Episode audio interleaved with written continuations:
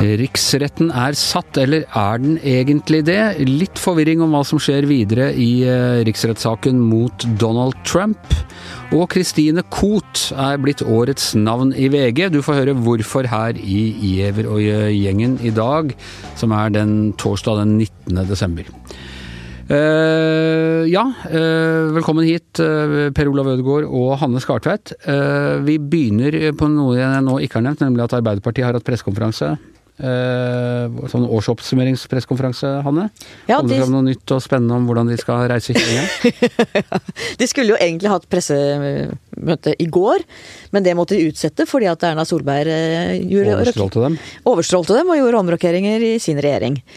Ehm, nei, det er jo et eh, litt eh, pjuskete parti som eh, ligger ganske dårlig an på meningsmålingene. Men Jonas Gahr Støre, som møtte pressen alene, uten de andre fra partiledelsen der, han ser lys på framtida og snakker om de to store sakene for Arbeiderpartiet. Trygging av velferdsstaten og klima.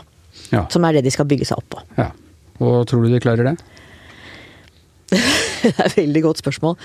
De sliter veldig. Det som eh, kanskje kan redde regjeringsmakten for dem ved neste stortingsvalg, er at de andre gjør det så bra. Eh, makt, maktforskyvninger ja, altså de andre de skal samarbeide med? Ja. ja, de skal samarbeide med. Mm. Senterpartiet, som jo er kjempesvært på noen målinger, har jo de to nesten flertall aleine. Men det er klart, eh, maktbalansen på rød-grønn side er vesentlig forskjøvet siden sist de hadde regjering sammen. Så det er et svakt Arbeiderparti i en eh, koalisjon av sterke særinteresser, da, i så fall?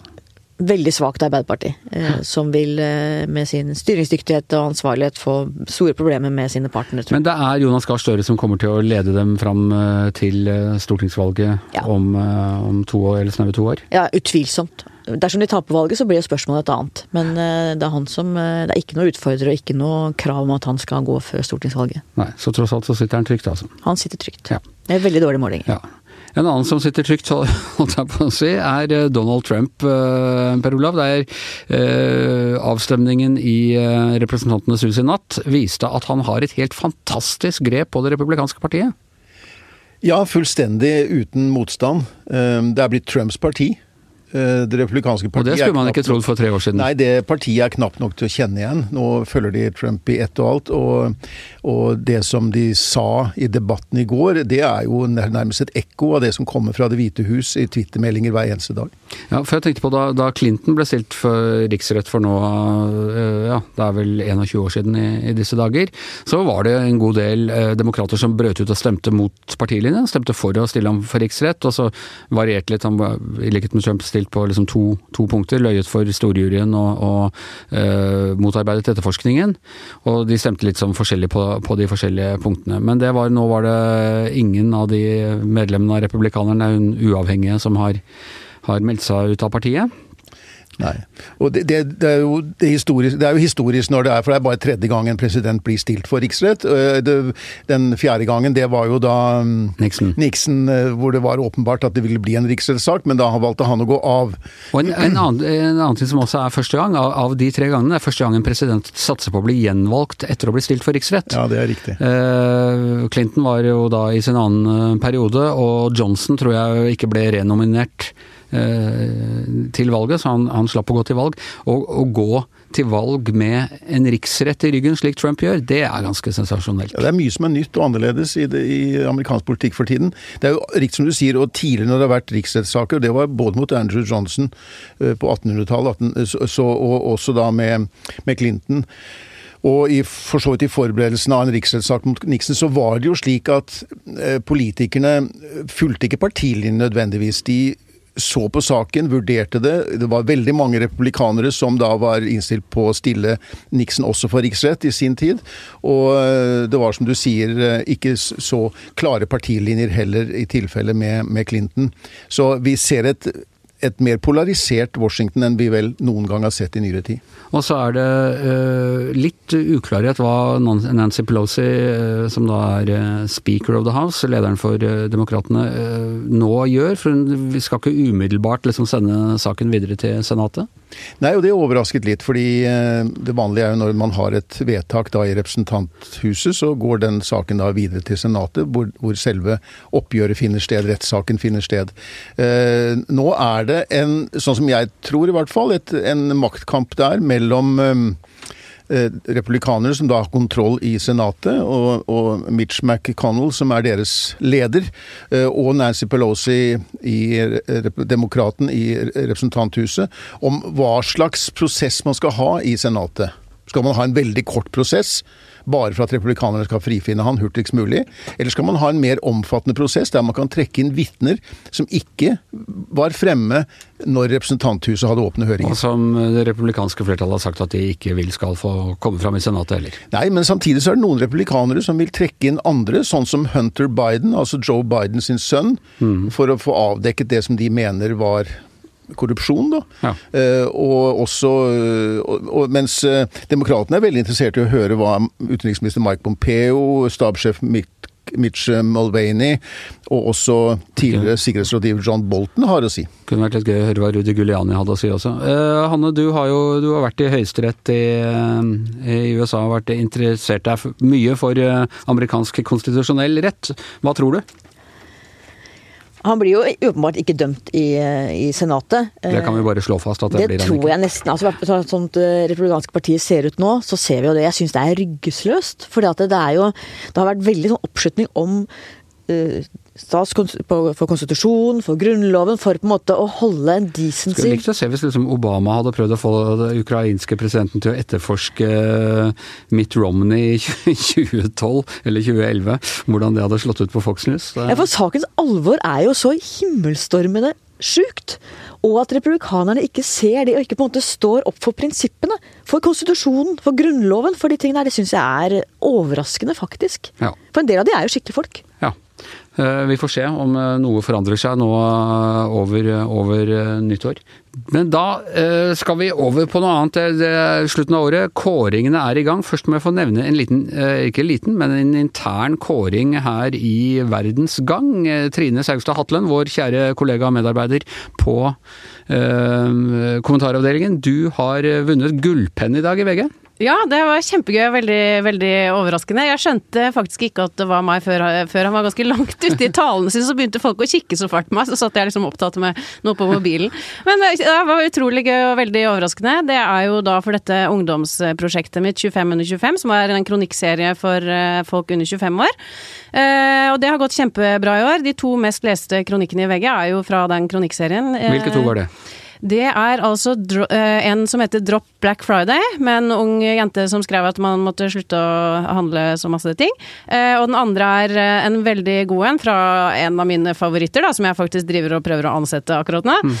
Maren Olava som skrev 'Hvem skal få være forbilder for ungdommene våre?', som handler om at de som blir med på reality-serier, kanskje ikke er så gode forbilder. Det var blant annet en voldsdømt og en Ja, det var noe Ja, den var mm. kjempegod. Den tror jeg Den er vel lest Ja, den har lest utrolig, utrolig mye. Ble veldig god. Ja. Og så har det vært da flere kåringer. Vi har altså kåret et av VGs sånn virkelig tradisjonelle grep, som vi har holdt på med i mange, mange år. Årets navn. Ja. Og i år ble det altså Kristine Koht. Ja, eh, og du eh, har hatt ansvar eh, for administrert hele den kåringen også? Ja, det har jeg. jeg eh, det begynte å nærme, lakke, mot, lakke og li mot jul, eller hva man sier. Og så sendte jeg en mail til Gard Sterre og spurte for jeg var prosjektleder i fjor og tenkte, hadde ikke hørt noe om det i år, så jeg sendte en mail og så skrev jeg hei Gard, skal vi ha årets navn i år? Eh, det blir eh, Kristine Koht uansett hva vi gjør, men vi kan jo kjøre full prosess likevel. Ja. Og det sa han jo også oppe i talen sin, og det, det er jo helt rett i. fordi det engasjementet som vi har sett altså rundt Kristine Koht det siste året har vært helt unikt, og det er ingen som har fått mer støtte og mer likes og mer hjerter eh, og mer eh, heiarop enn Kristine Koht etter at, siden hun ble sjuk for et år siden. Da. Og hvis, altså, Hele hennes eh, på en måte prosjekt som komiker har jo vært å by på seg selv. ikke sant? Hun har bydd på sin egen sårbarhet og sine egne styrker og hele, helt siden hun dukket opp for nå er det vel snart 20 år siden. Mm. Men nå har hun altså gått inn i denne sykdommen med den samme sånn helt nådeløse åpenheten. Ja, og det eh, hele, Altså, jeg var litt sånn usikker på hvordan det der For det var egentlig Jeg ble egentlig litt overraska over hvor mye hun har delt underveis. Men det står jo helt i stil. Men det har vært perioder hvor det plutselig har blitt stille også. Eh, da har vi jo veldig mange som har eh, blitt bekymra. Men det var vel i november i fjor at hun måtte gå av scenen på et av showene sine fordi hun følte seg så svimmel og dårlig. Og så gikk det bare verre og verre. Hun fikk påvist kreft med spredning, vært mye syk. Men fortsatte jo da på en måte å skrive spalten sin i A-magasinet litt, og så lagde eh, Joakim Førsund, som er en veldig dyktig podkaststjerne, kan vi vel kalle ham, lagde han podkasten Kot vil leve for Aftenposten. Eh, og der kom det episoder i litt rykk og napp, og så, og så var det lengre perioder hvor det blei helt stille, og da var, jeg, eh, var vi mange som var veldig bekymra, for hun har vært veldig, veldig dårlig. Og blitt lagt i koma flere ganger i løpet av året og vært eh, døden nær. Men eh, ja. ja. Men eh, hvordan begrunna Gard Steiro valget i dag?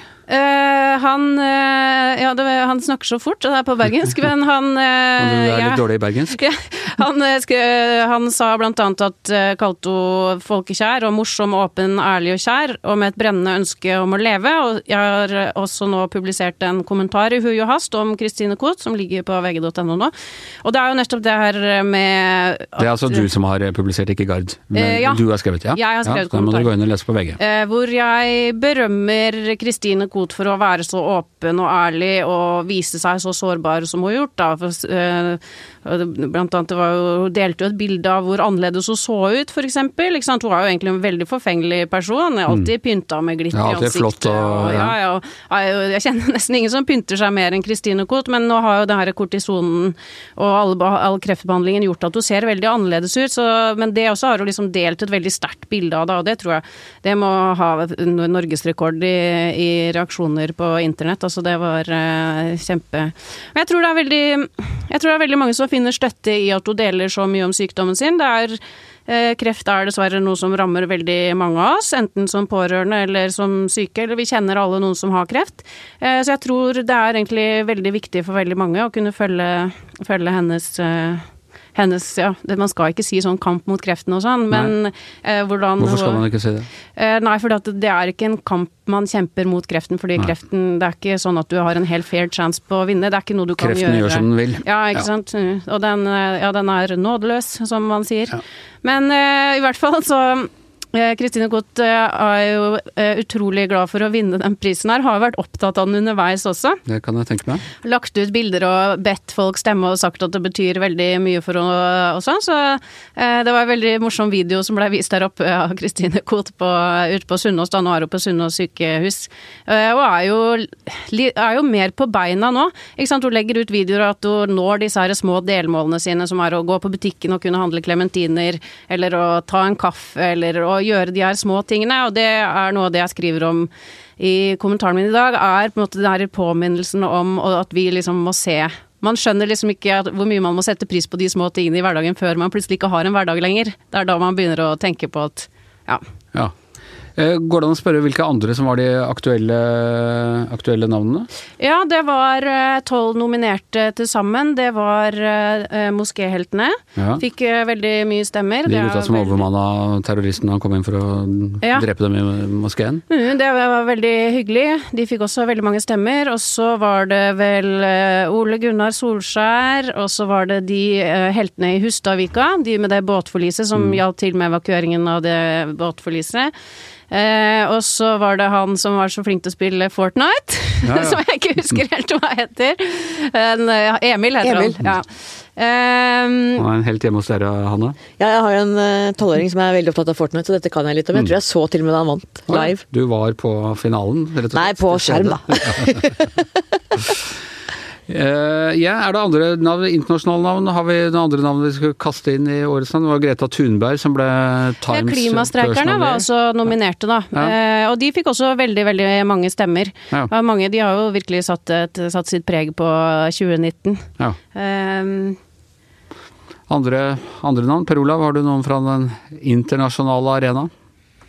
Nei, det, jeg tror eh, Donald Trump var litt fornærmet over at var, ikke han fikk den for andre gang. Ja, Han kunne ha blitt det hvert år, det, ja, hadde altså, men altså, du vet Obama fikk den eh, altså, dette var noe, Nå snakker vi om Time Magazine sin ja, kåring av årets navn, som ikke er noen hedersbetegnelse i og for seg, men det er den personen som på en måte har påvirket Uh, nyhetsbildet eller utviklingen i verden mest i det året som har gått. Ja. Um, og uh, um, Trump fikk det én gang, Obama fikk den to. Ja. Og det dette er noe som, ikke, som skurrer selvfølgelig for Trump, så lenge han ligger én etter Obama. Jeg tror vi kan trøste ham med at han, det kommer flere sjanser for Donald Trump. flere muligheter, det kommer flere muligheter, og Thunberg var et godt valg i år. Blir han, blir han felt i, i riksrett, så kan han, blir han årets navn. Vinner han, øh, vinner han øh, gjenvalget, så blir han årets navn. Det skal veldig godt gjøres å forestille seg at han ikke blir årets, valg, årets navn til neste år. Men uh, Jeg må bare si oh, ja, ok, ok, jeg trodde du gikk foran Fortnite-dyden, ja, men uh. Nei, jeg ville nok sagt Hongkong-demonstrantene, som virkelig har satt det Ja. kinesiske regimet på prøve. men det er veldig mange navn, da. Kan du navnet på dem alle sammen? Eh, ikke alle. Nei. Nei, men det hadde jo også vært en, en, en, en øh, god sak. Uansett, eh, og gjengen over for i dag. Eh, I studio Trine Saugstad Hatlen, Per Olav Ødegaard, eh, Hanne Skartveit, Anders Gjever og årets navn bak spakene, som vanlig Magne Antonsen. Vi høres i morgen.